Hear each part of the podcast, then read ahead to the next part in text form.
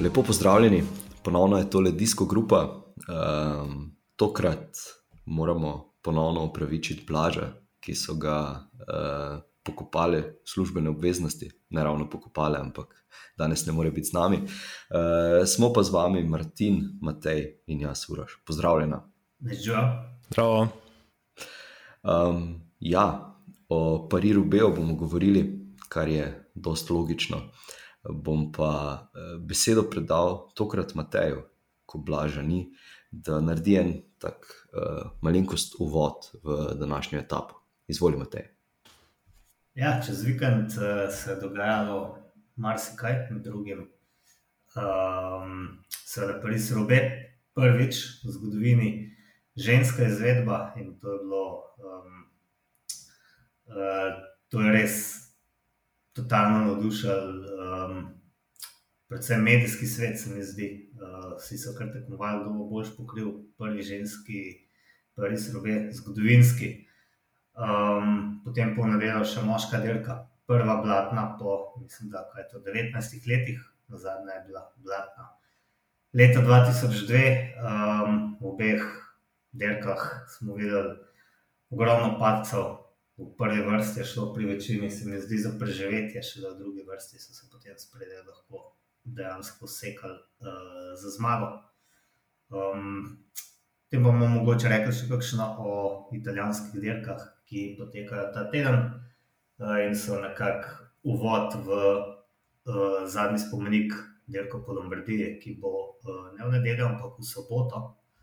In jo tudi že komaj čakamo, glede na to, da bomo imeli vsaj dva, ki se lahko užgeta za zmago. Um, mogoče je tudi za kakšnim oholičem, ne bi čisto upal. Ja, zdaj, koliko sem prebral, danes naj Matej ne bi štartal v soboto. Um, zdaj ne vem, če so te informacije prave ali pa ne prave. Um, ampak ja, definitivno vsaj dva, ki se bosta lahko potegovala, ki se pa že v bistvu uh, od vikenda naprej nekako gibata po Italiji in uh, na določenih dirkah tekmujeta drug proti drugemu, oziroma bosta tekmovala drug proti drugemu, sta že. Uh, pa danes, ko to snemamo, je tudi Tadej uh, posegel po tretjem mestu na, na dirki Trevale di Varesine. Uh, kakšna je sploh slovenska verzija tega imena dirke? Ej, pojma nimam tri doline, v rezine. Ok, fair enough, fair enough. uh, ja, v soboto ste se udarili na. Uh, Saj ne vem, na kateri dirki sem bil. Giro di Emilia. Giro di Emilia, tako je, ja, ok, fuck, uh, čist mi je ime padlo iz glave. Ampak ja, uh, tam sta se tudi udarila drug, drug proti drugemu. Uh, bil je uspešnejši Primož, ki je zmagal, uh, Tadej, tisti dan ni najboljše šlo. Jutri pa jo čaka eh, dirka Milano Torino, tako da bo to še ena dirka pred sobotno, sobotno Lombardijo.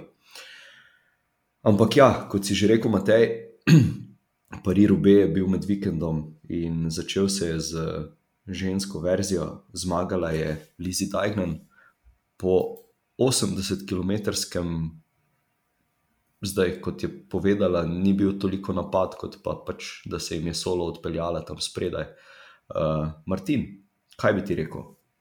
Ja, Parirobe je splošno že znana kot zelo nepredvidljiva dirka, zelo veliko stvari se lahko zgodi, veliko stvari gre lahko na robe. Uh, to smo videli tudi v zadnjih letih, čeprav, kot je Matej izpostavil, že 19 let nismo imeli dežja, že pred dnevi, pred Parirobejem, so namigovali na to, da mislim, da je deset dni zapored deževalo in spektakel je bil pravzaprav neizbežen. In že pri ženskah smo v bistvu videli, mogoče celo cesto še v slabšem stanju kot kasneje pri moških. Ker je bilo res um, severni peko, mislim, da ne opiše niti približno razmer, ki so jih imeli letos, uh, blato, spozek teren in tudi pri ženskah se je to zelo poznalo. Ne. Ženske so mogoče prav zaradi tega, ker je bila to prva izvedba, še nekoliko manj navajene teh voženj. Um, in ja, um, zgodili se je vse paci pravzaprav vseh večjih favorit. Uh, Liz Dajnan je pa nekako najbolj od vseh uh, prenesla vso to traso.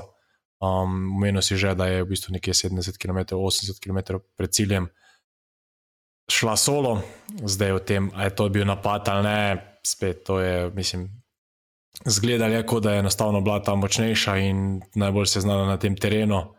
Uh, smo pa videli, da je tudi Polona imela v, bistvu v, v kasnejših delih kar nekaj težav. Um, verjetno je po spletu bil zelo popularen pač posnetek, ko tudi ona pleše z zadnjim kolesom po celi cesti. In ja, tu se pač tudi potem izkaže, kdo, kdo nekoliko bolj obvlada kolo.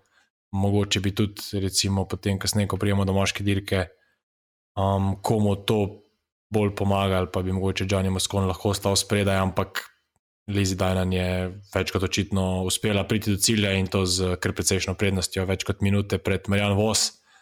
Um, tretja pa je bila potem um, Elisa uh, Longo Borgini, tako da v bistvu dvojno.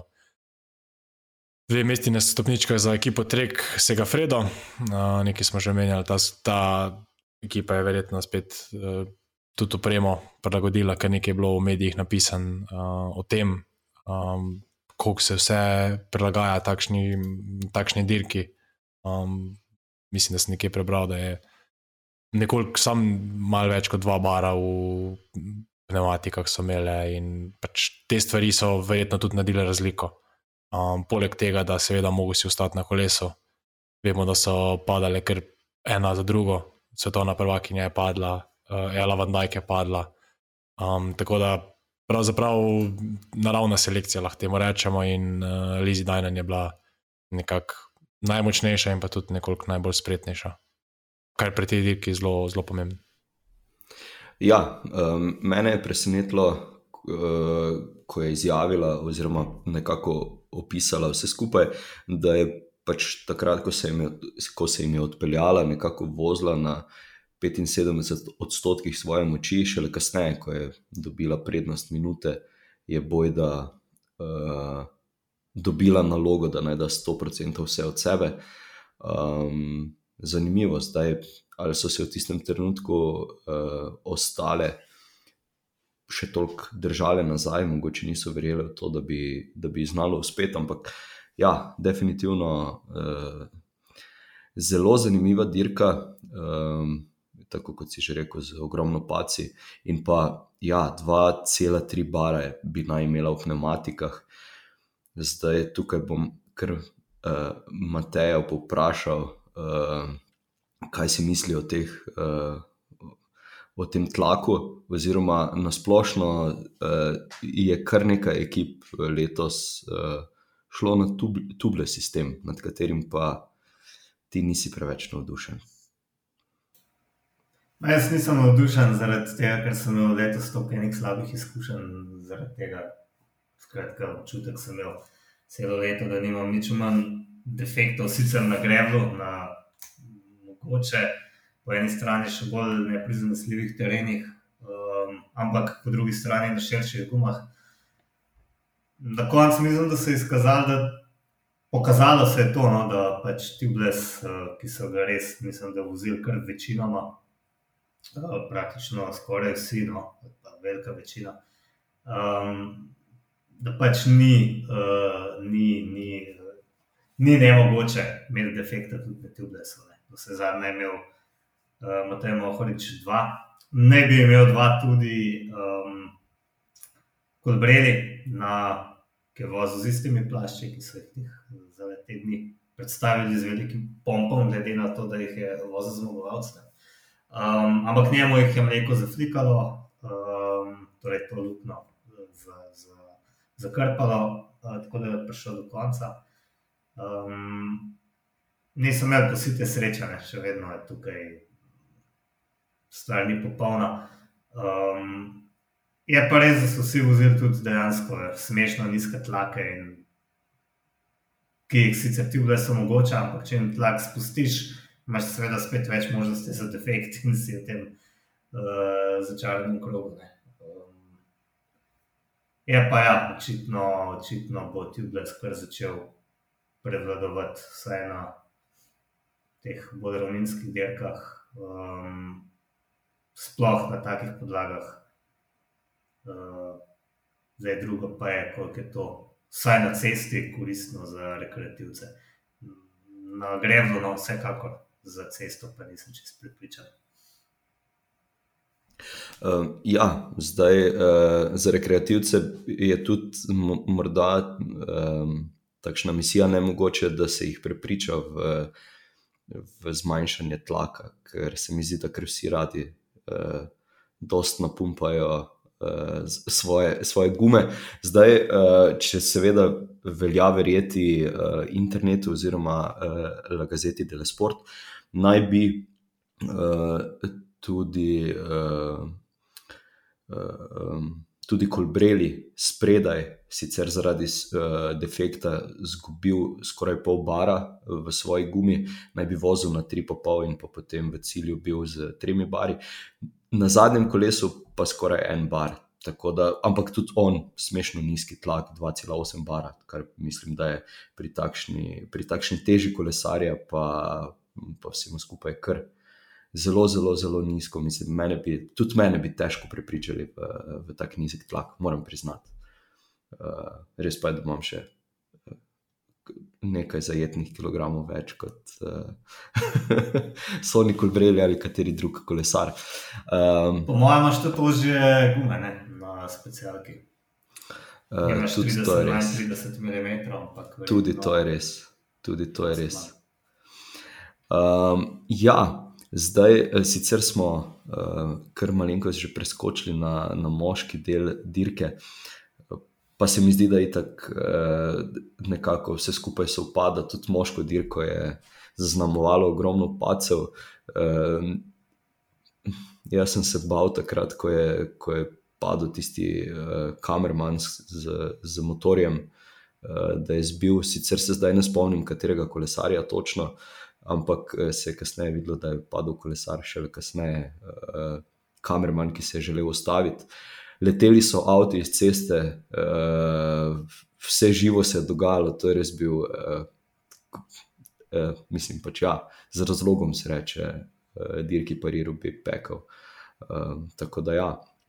Um, Florian Vermiš, Vermiš je kar eno novo uh, odkritje. Eh, nekako se ga ni nikamor uvrščalo, pa je kar dobro presenetilo. Verjamem, da tudi samega sebe, malenkost. Um, kaj bi vidva rekla?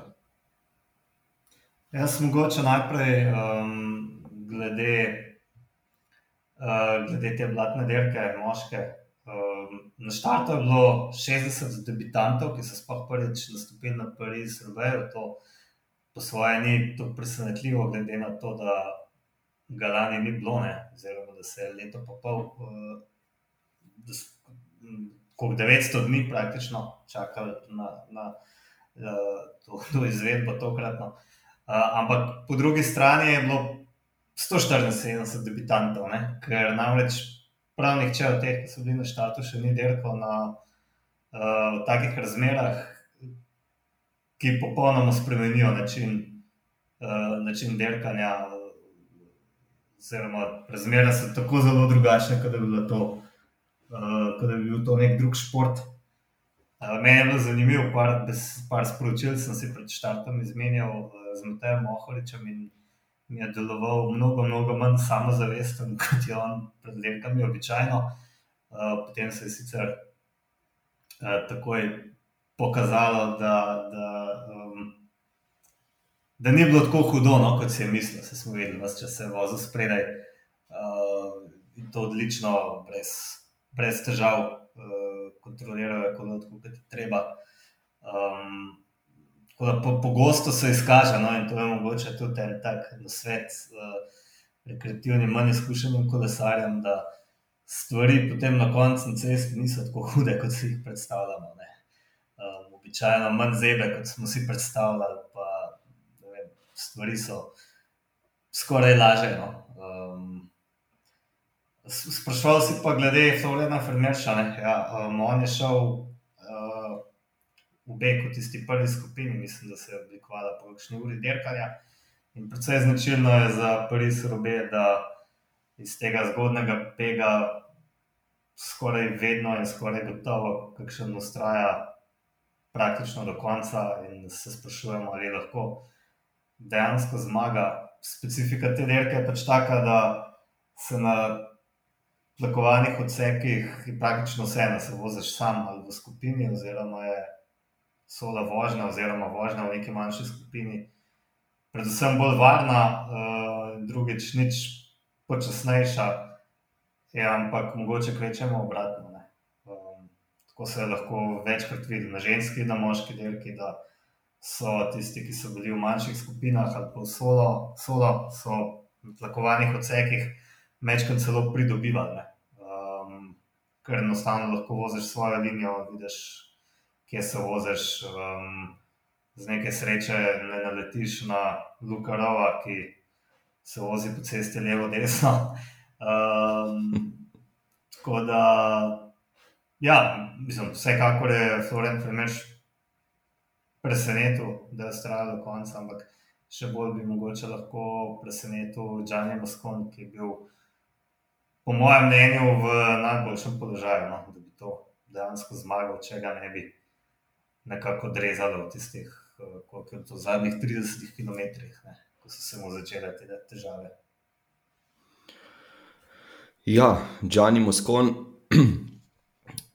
Morda uh, internet ni bil navdušen nad tem, da je bil on spredaj. Uh, nekateri uh, so, so mu vse skupaj uh, ne bom zdaj rekel privoščili, ampak uh, ja, so, so si mislili svoje. Ja, dvignil si roko, Matej, izvoli, kar povej. Twitter je pesnil in potem so bili navdušeni.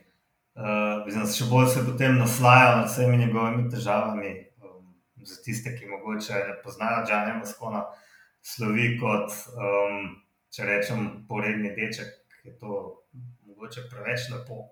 Um, Slovi po tem, da je res neprijazen karakter, da do zdaj je že obmetaval uh, kolesarje, tam na pol z rasističnimi opaskami, nekoga je udaril v obraz, um, v uh, kaj je že ta nizozemec od Belic, debušare, pa ga je celo kolo zadegal v nekem pacu.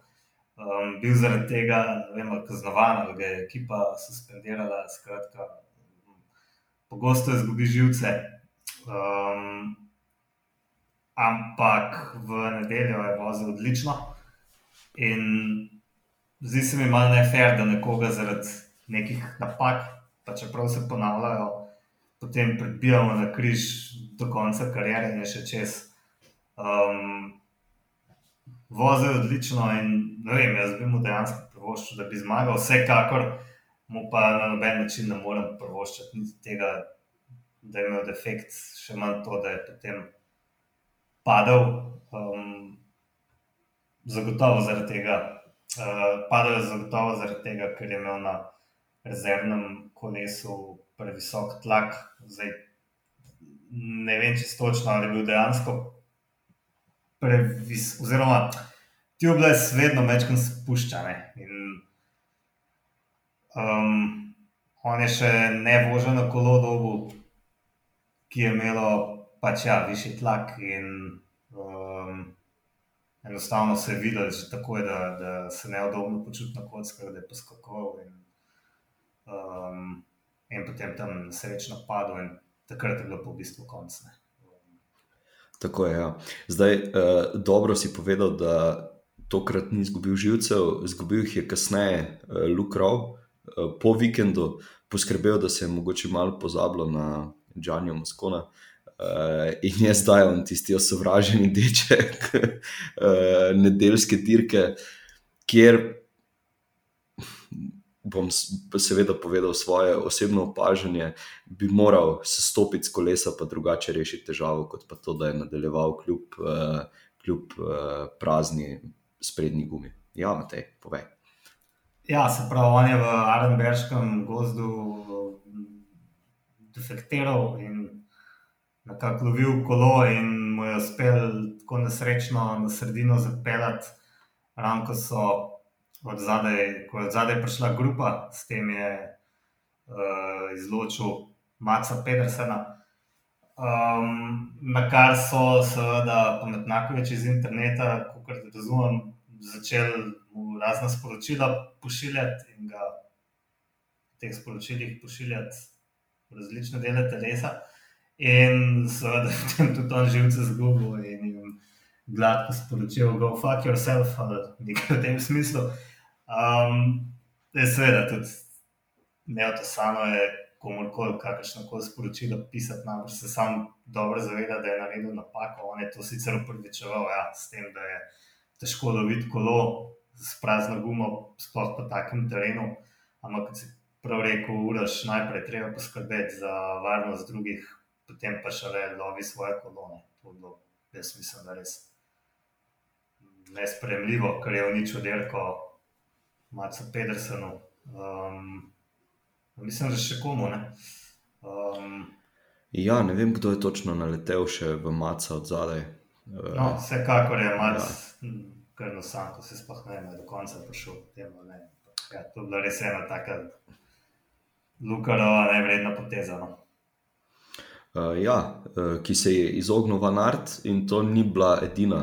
Uh, in to ni bil en, edini tak dogodek, uh, kjer se je moral izogniti. Uh, skoraj, bi rekel, zagotovo. Mislim, zagotovo bi vsaj sto drugih kolesarjev padlo v teh trenutkih, ko je on vseeno to rešil. Um, ja, Martin, povej. Ja, prej sem omenil, da v bistvu spretnost je tudi, tudi definitivno bila neka, nek ključen faktor. Um, in tu pa je možno, no, da je v bistvu ravno to, kot si omenil, da se je Vanert tu uspel izmakniti tudi uh, komu drugemu, prenesli boljši rezultat. Uh, zdaj, v tem primeru, ko ste govorili, pri Luku Rovu je bilo celo tako, da je pač prihajala celotna grupa, nekje enih osem kolesarjev, in v bistvu prva dva, tri so se še uspeli. Nekako izogniti, ker so v bistvu videli um, rova, ki prihaja, medtem ko potem mislim, da je bil na četrti poziciji, uh, prav Mats Petersen, ki pa enostavno ni imel druge možnosti, kot da samo trešči v Lukarova in ja, to, to je neka zelo bizarna zadeva. No. Se mi zdi, da tudi če težko ujameš kolo, se odpelješ na stran in nekako tam rešuješ, ne pa na sredini cestišča. Um, kar se tega tiče. Um, kar se tiče pa Džanja Moskona, pa ja, bil je na poti tudi k prvi zmagi v bistvu ekipe Inos na Parirobeju, kar spet mogoče po samo posebni tok um, posebno, ampak vemo, kaj ta ekipa v kolesarstvu pomeni in zagotovo bi jim zmaga na takšnem spomeniku, kot je Pariro B, veliko pomenila. Um, tudi Moskvno, glede na to, da zapušča to ekipo, bi bilo to nekako v zahvalo za vse, kar je recimo ekipa za naredila in pred, pred um, menjavo ekipe v Astano nekako še uspel doseči eno odmevno zmago za ekipo Inos, ki, ki mu morda še manjka. Um, v bistvu ena stvar, prej sem opazil, uh, mislim, da je vsaj eden bil tisti, ki je. Uh, ki, um, ki bi ga še bilo, uh, vsaj po mojem, poleg recimo Vermeerša, uh, se splačali izpostaviti. In to je tudi v bistvu Življen Boven iz ekipe Izrael Startup Nation, ki je bil tudi že kar zgodaj zraven. Uh, mislim, da je bil tudi del tam ekipe z Vanderpolom, ko je potem lovila, na koncu je končal na devetem mestu. Um, in mislim, da je to, glede na to, glede na njegovo starost, star je namreč 32 let, uh, Kanačan, en boljših njegovih uspehov. Um, mislim, da je lahko res vesel za to vrstitev in um, tam do, do konca, oziroma tam nekje do 20-30 km pred ciljem, je bil še pravzaprav v kar dobrem položaju. Um, glede Vermirša, pa še ena stvar. Uh, v zadnjem epizodiju, oziroma na svetovnem prvenstvu, smo govorili o teh projih, ki tekmujejo tudi v kategoriji U23. In uh, Vermirš je v bistvu eden takih predstavnikov, kaj ti vozijo tudi um, tako cestna, kot tudi kronometer.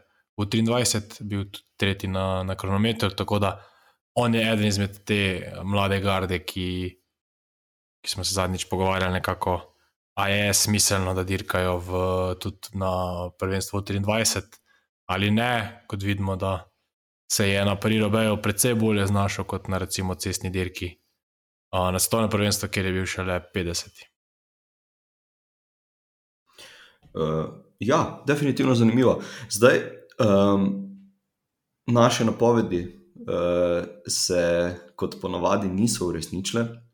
Še najmanj se je uresničila moja napoved, eh, tako Vandrehorna, ki je že tretjič uh, s pacem uh, končal, oziroma ni končal, ampak uh, moj padec preprečil dobro vrstitev. Um, ja, nekako vsi smo izpustili Vautova Narta, to smo se z Martinom že pred snemanjem pogovarjali.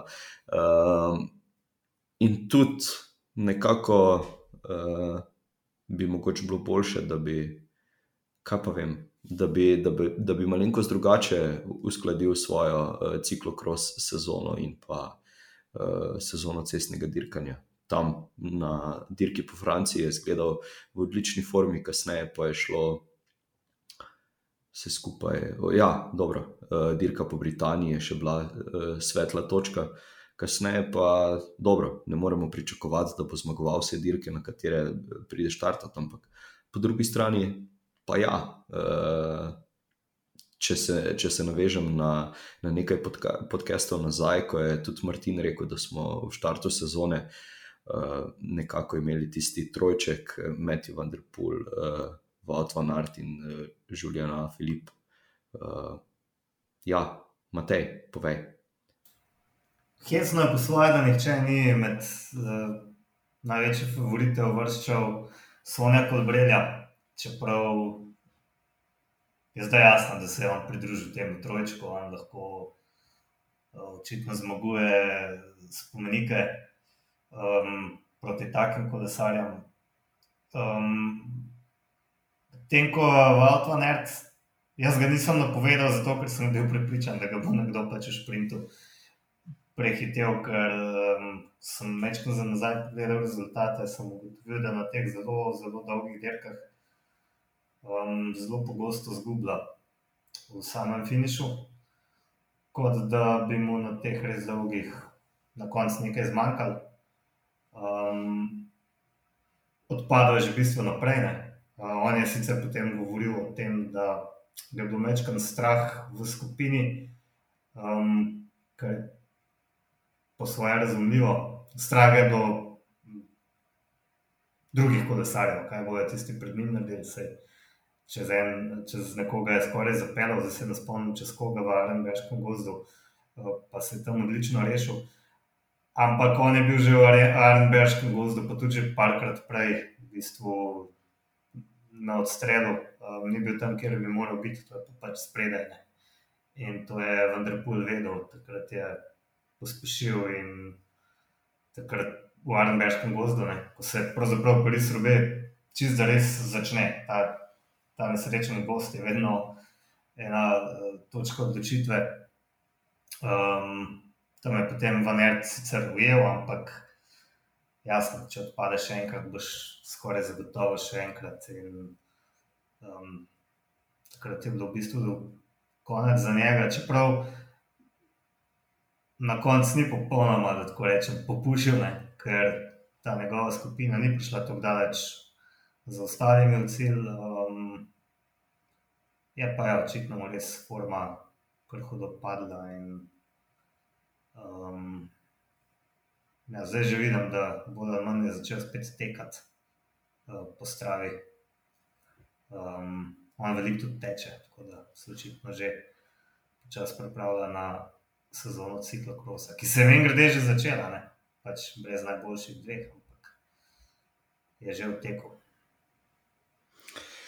Uh, ja, in Vodva Nart je izjavil, da še ne ve točno, kdaj se bo vrnil v ciklokros, oziroma kdaj bo tista prva dirka, katera se bo držal.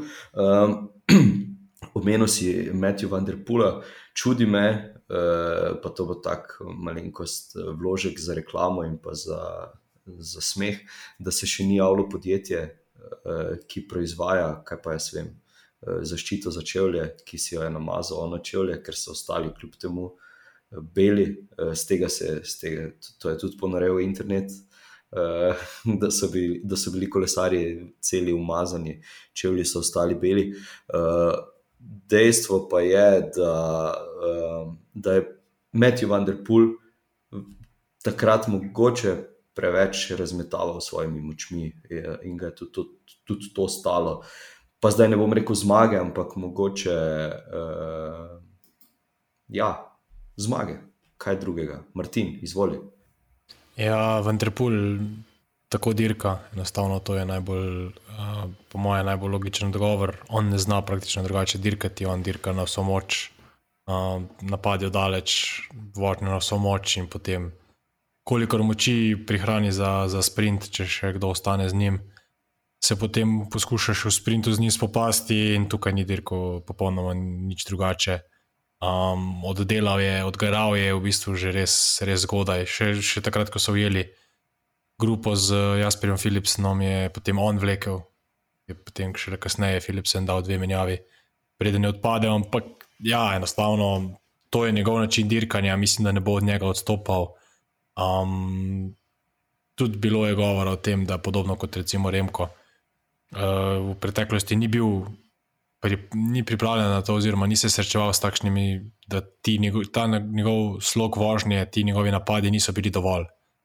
Um, in nekako vseeno uspel že prej s temi napadi daleč se znebiti vse konkurence, da morda v sprintu niti ne, ni potreboval teh moči. Um, tukaj smo videli, ja, da, da so mu na koncu mogoče nekoliko pošle moči, kolbrel je bil tudi bolje postavljen, potem na samem velodromu tam vemo, da je tudi ključno postavljen, kako, kako prideš v zadnji zavoj, prideš predvsem na notranji strani ali si više na zunanji. Ja, Kolbreli se je res odlično postavljal v samem sprintu, uh, od sprinta v vse uh, in zasluženo zmago. V bistvu. vedelo, vedelo se je že prej, da nekako v sprintu ima največ možnosti, je najboljši sprinter od trojice in nekako uspelo mu je. Um, ena stvar zanimiva, ki bila mogoče tudi kot trivija uh, možna, je pa ta, da v bistvu ekipa Dekoni Quickstepa od leta 2011 uh, prvič brez stopničk, um, kar je res nek tak. Tudi, uh, vemo, da je ekipa Quickstepa in vse njene prejšnje različice um, zelo ekipa specializirana za klasike in letos žal samo.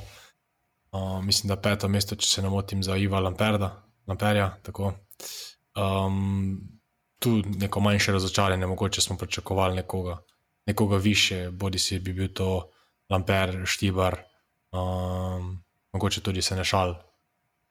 Tudi sam sem v bistvu mislil, da, da bo ekipa pokazala nekoliko več. Imeli so v teh zgodnjih begih vedno vsaj enega kolesarja, um, potem proti koncu, ko se je oblikovala ta trojica, ki je na koncu se spopadla za zmago, pa v bistvu niso imeli svojega predstavnika. Hmm, res je, res je. Matej, eh, tudi ti si želel nekaj dodati, izvoli. Jaz mislim, da bo Vanderpool moral začeti drugače delati, torej bolj pametno. Um, Vanert ima včasih podoben problem, preveč dela. Um, Vanderpool tokrat tudi. Mene je presenetilo, on je izjavil, da je v zadnjih 50 km pojedel uh, gel na 5 do 10 km, se pravi, to to je na tam od 8 do 15 minut, je nekaj stisnil usta. In, uh, jaz se tega sploh ne znam predstavljati, to je res ugabno. Um, ampak vedo je, ne, da, da bo imel težave na koncu s primankljajem energije, in se je skazalo, da bo pač res tako. Um, zdaj, če bi on še manj vlekel ne vem, kaj bi se zgodilo. Spredaj je pač bil zelo dobro na poti, Džani Moskon, zadaj na vse zadnje skupina z Vanertom in ostalimi, tudi ni bila čist nedolžna, ampak um, Sonja Kolbredi, Sonja Kolbredi niso izdali živci. On je pač spet, kot je za nas značilno, bil lepo skrit. In um, in je čakal, medtem ko je vendar pol tudi potem, ko je bil Moskvon že ujet, oziroma se vedel, da ga bojo vedeli še kar razmetavati z močmi. Mislim, to je bilo noro, če bi to zmagal, bi bil jaz res presenečen. Že 50-60 km do cilja, mislim, da tvitno, da pač najbolj pametno dirka kot bredi. Um, potem so spet nekateri pametni, da se je švrcal, ampak tako je kolesarstvo. In um, on to zna, ne. zna, enostavno zna biti tudi vsak, in to je, to je krasno. Um, Zmagal je v bistvu zato, ker je bil najpametnejši.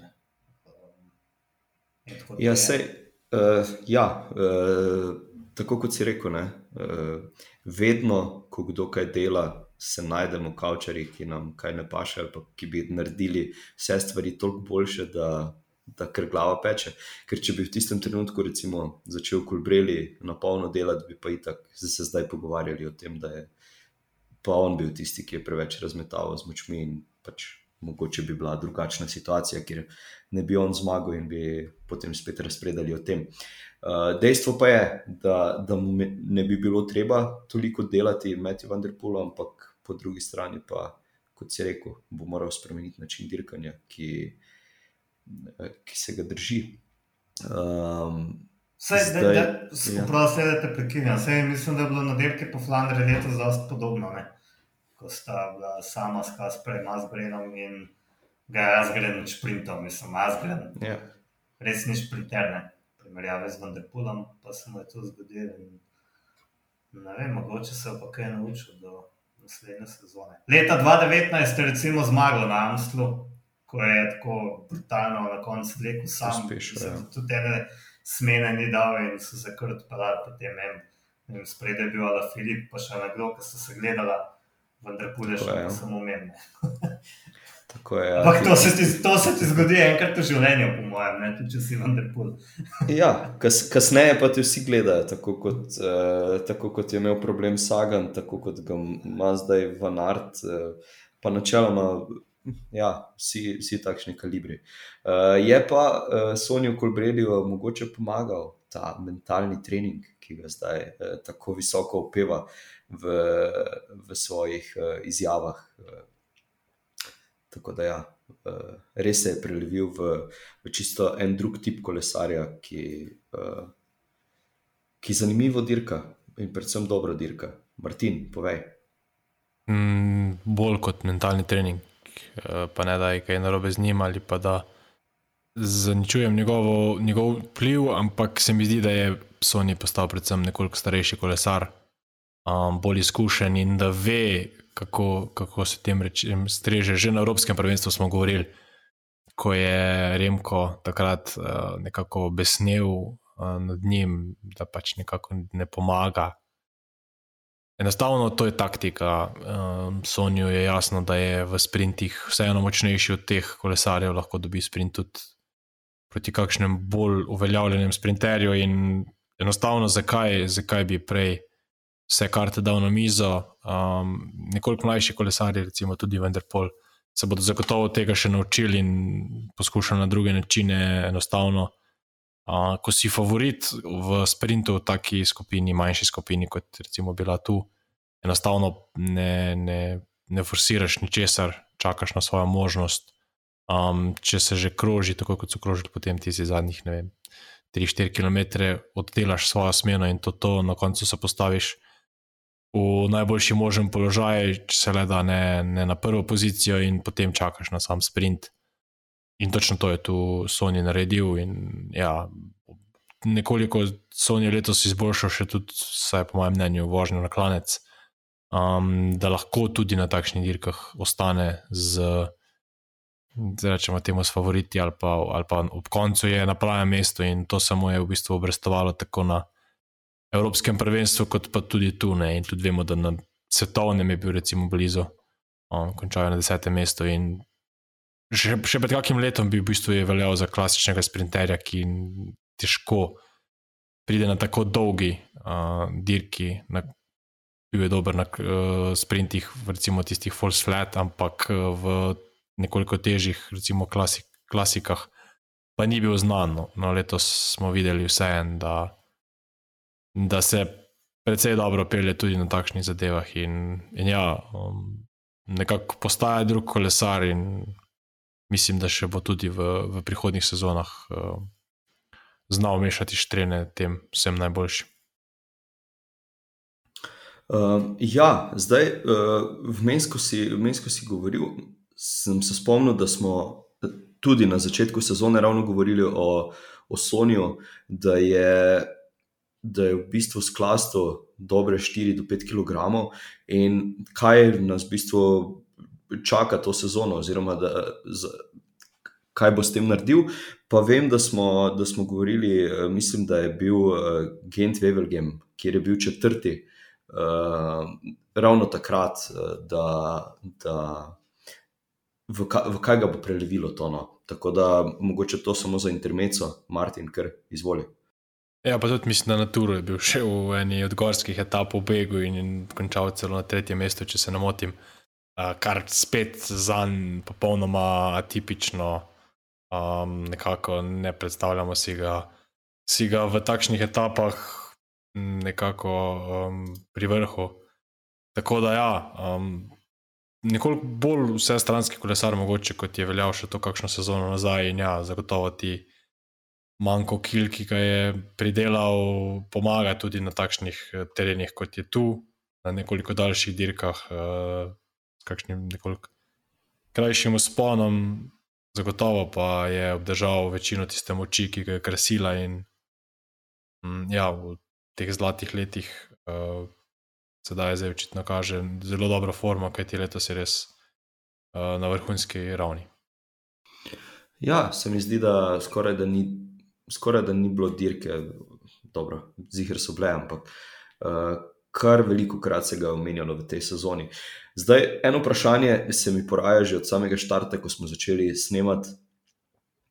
Uh, je kdo od vaju, ki v tistem zaključnem sprintu ni navijal za Floriana Vermirša.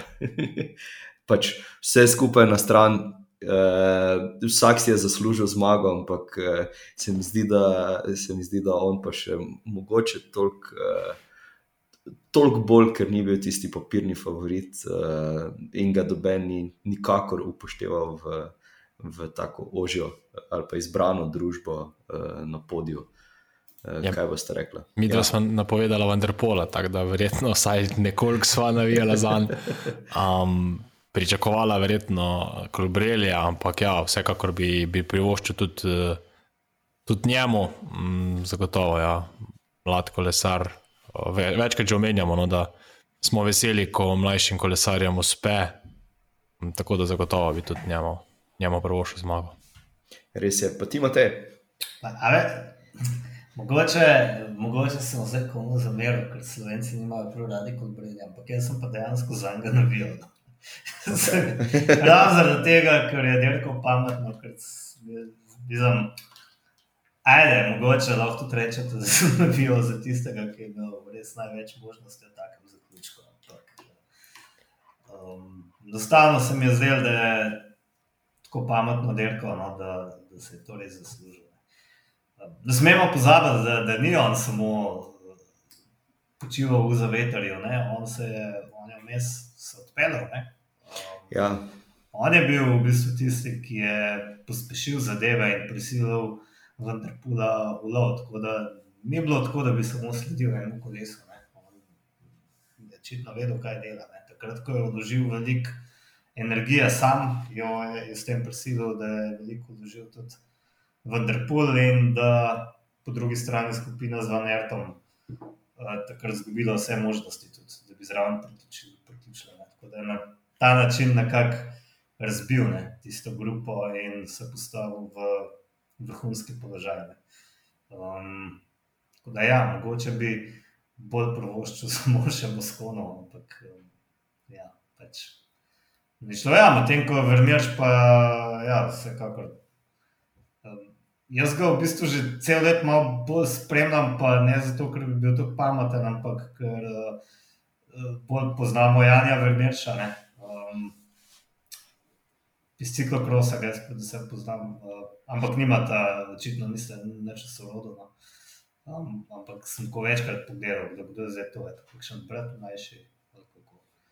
Je pa zanimivo, da človek študira zgodovino in to očitno združuje uh, s kolesarstvom, pa še v lokalni politiki je nek vaški ali mestni svetnik, kar se mi tudi zdi, zdi zanimivo. No? Tako da je angažiran na več področjih.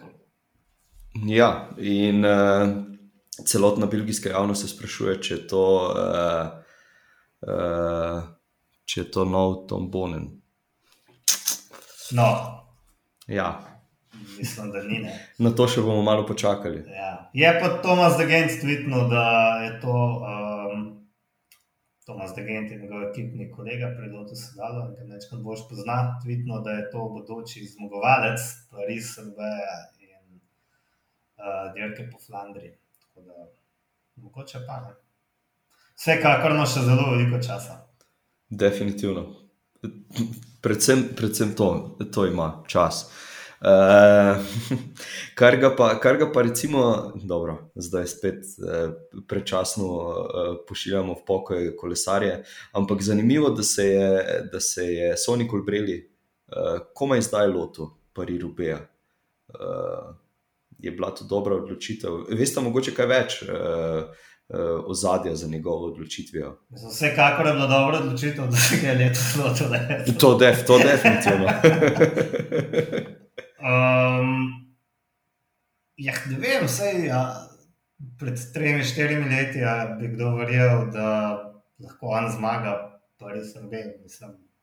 On sam.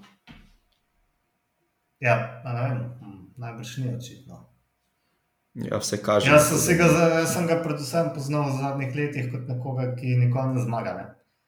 In je tam drugi, tretji, ekipa ga razen, potem je pa tam nekje malo preslab. Ne? Tako kot letos, recimo, Metjos. Um, tako da, ja. A smo zdaj ravno kar napovedali zmagovalca eh, Parirubeja 2022? Ja. Ja. Jaz mislim, da ne, ampak ja, eh, te, eh, te pompozne napovedi eh, se veliko krat izkažejo sicer za, za nepravilne, ampak ja. Mogoče se bo pa v pogumu Metjos zdaj, ne? pa še on poskusil. Poskušali si lahko, ja. Ni, vem, ni, pa- po, ni pogum edina stvar, ki njemu manjka, vsaj po mojem mnenju. Ja. Zdaj, um,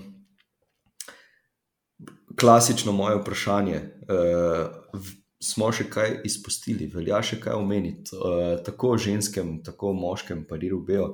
Uh, pač v bistvu ogromno stvari se je dogajalo na cesti. Um, ja, Martin, izvoli. Ja, nekoliko se lahko, če mogoče dotaknemo naših, pravi, um, tako na ženski kot na moški tirki.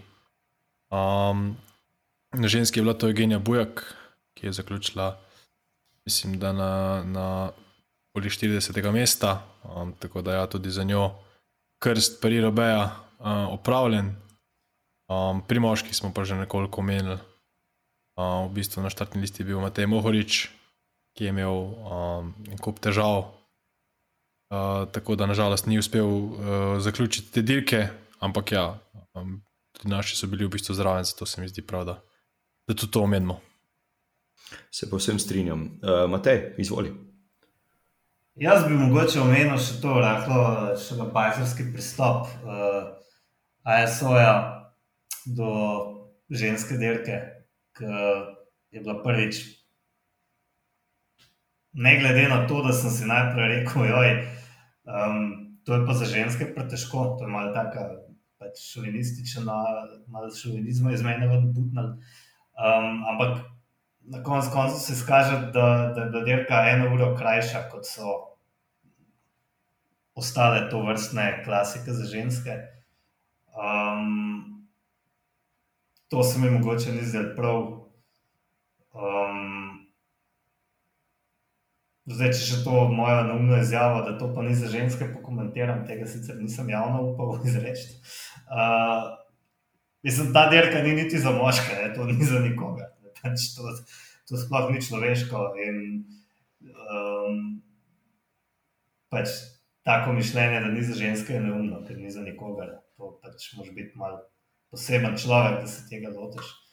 Uh, zdaj, druga, druga stvar pa je, um, druga stvar je precej kratek prenos, um, ki, za katerega pač treba nekaj plačati, in organizator moral zagotoviti sredstva, in se je izgovoril, da tudi zaradi tega, ker so plačali prenos, tem ženskam namenil bistveno manjše uh, denarne nagrade.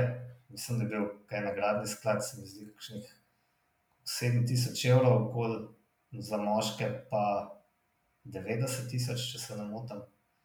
Kar je Tako zelo je. velika diskrepanca. Ne? In jaz vem, da potem bojo ljudje tako rekli, ja, pa so delali manj časa, prevozili manj kilometrov, manj je bilo, uh, manj je bilo uh, medijske pokritosti, zaradi tega se je akumulira manj denarja, bla, bla, bla. Pač Lizi Dajna ni sama kriva, da je tako, in drugič s temi debatami so v drugih športih že zdavnaj zaključili. In so vsaj na, na najvišji ravni, marsikje, uh, nagradni skladi že izenašeni pri kolesarstvu. Pač ne, ne. Zdaj, vemo tudi, da so te denarne nagrade na splošno smešno majhne, ki jih primerjamo uh, s pogodbami, na katerih so kolesari znotraj svojih ekip, ampak tukaj gre za en statement. Uh, jemljamo žensko kolesarstvo resno ali pač kot nekaj za zraven, kar si še na hitro v soboto pogledamo. In ne vidimo v prenosu niti odločilnega napada ali karkoli je to že bilo, ki ga je izvedla Lizi Dajden, že zdavne pred prenosom. Ja, res je. Razlika uh, 30 tisoč evrov za prvo uvrščenega na moški dirki in pa 1500 in nekaj drobiža za prvo uvrščeno na ženski dirki je res ogromna, ogromna razlika. Um, ki bi, tako kot si rekel, se je dalo pogledati. Pa bi, pa bi po moje, tudi, tudi moški to požrli, oziroma ne bi noben nič uh, rekel, vsaj ne uh, v teh časih, ko, uh, ko se je dejansko treba uh, obrniti. Uh, Nazaj in reči, da so, da so pač bile prevelike razlike, kljub temu, da, da tako ponovno tako kot si rekel, da, da je manjša medijska, uh, medijska, ne bom rekel, prepoznavnost, manjša medijska pokritost, vse ostalo. Uh, ampak ja, da se vrnem pa še čisto na, na začetek našega snemanja, uh, ko smo se pogovarjali uh, o, o tem. O rekreativcih in vsem ostalem, mislim, da, da ne bi dobenemu rekreativcu privoščil da se gre peljati po teh kockah, kvečemo stati ob cesti in navijati za kolesarje.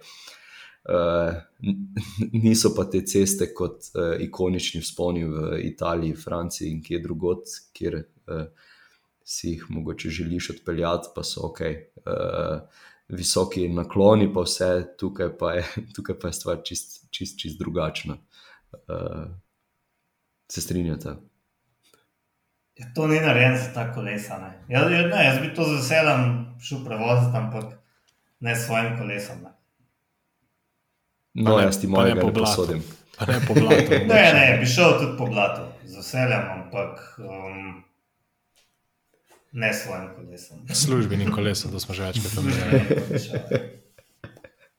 um, ja, ok, uh, superca. Zdaj, um, uspelo nam je skoraj da uro komentirati tole eno dirko. Tako da uh, po eni strani super, da ni blaža, ker bi se to še malce bolj zavleklo. Um, omenili smo tudi te italijanske klasike, ki se dogajajo in se bodo zgodile. Lombardija v soboto, uh, ko bomo ponovno pametovali in napovedovali zmagovalca. Uh, zato zdaj namenoma ne bom vprašal, koga, koga uh, imata za favorita. Um, ampak ja, čas je za, za trivije vprašanja, pa bom tokrat Mateju dal prednost in rekel: Izvoli, Matej. Ja, um, prejšnji teden je menil v znamenju postavljanja raznih rekordov, oziroma dveh, v vožnji na eno uro, uh, kjer je Joe Slowden izboljšala svetovni rekord uh, pri ženskah za 400 metrov. V eni uri je prevzela 48.405 metrov. Uh, mislim, da naslednji dan je pa še Diane Bickham, on slovi kot uh, najboljši, najbolj aerodinamičen uh, kolesar. Uh, on je pa rušil britanski rekord, ki ga drži um, Bradley Wiggins. Uh, tudi njemu je uspel in sicer za 200 metrov, kljub temu, da še zdaleč ne razvija uh, takih vatov, recimo, kot jih je Wiggins takrat uh, prevozi 54.723 uh, metrov, kar je pa še vedno dobrih 300 manj, kot znaša rekord Viktora Kampenarca. Vprašanje pa je, no, uh, koliko pa znaša svetovni rekord v vožnji na eno uro po zadnjem kolesu. Če, uh, ne vem, vse ne veste, ampak uh, ker bo bližje. Uh, ja, letos na Turu je bil postavljen. Uh, ja, pa ne na eno uro. Ne, na eno, ja, na eno uro. Ah, ja, to sem zdaj že pomešal. Okay. Vožnja uh, na eno uro po zadnjem kolesu. Oje, bim tiš. Ja, jaz bi rekel, da, da vsaj ene 25 km. A jaz bi pa rekel, da je en malo manj, 20, dobrih 20. Uh, ja, bliže je bil um, Uraš. Uh, leta 2015 je bil uh, svetovni rekord slabih 26 km/h, uh, postavil ga je Manuel Šajdegar, ampak ga je lani prav ta človek izboljšal, tako da ponovno znaša 30,95 km/h, človek se je pripeljal 31 na uro. Uh, uh, ni tega dela na velodromu, ampak na atletski stezi. Zanimivo je, da je prvič izbral mountain bike, se pravi, da je z mountain bikom razvil uh, teh 26 km/h, v drugi varianti pa je vzel cestno kolo, oziroma mislim, da je bil grevel. Um, Zadaj je imel tudi precej širok plašč in kot sem videl na posnetku, se nekaj dosti z aerodinamiko ukvarjal. To je bilo pač običajno imel je sicer aeročalado, pa ne kronometrske.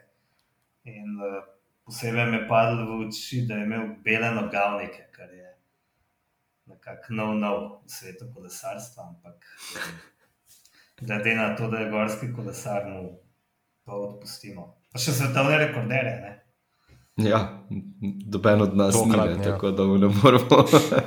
Načeloma je to težko se pelati že eno uro, ne po dveh kolesih.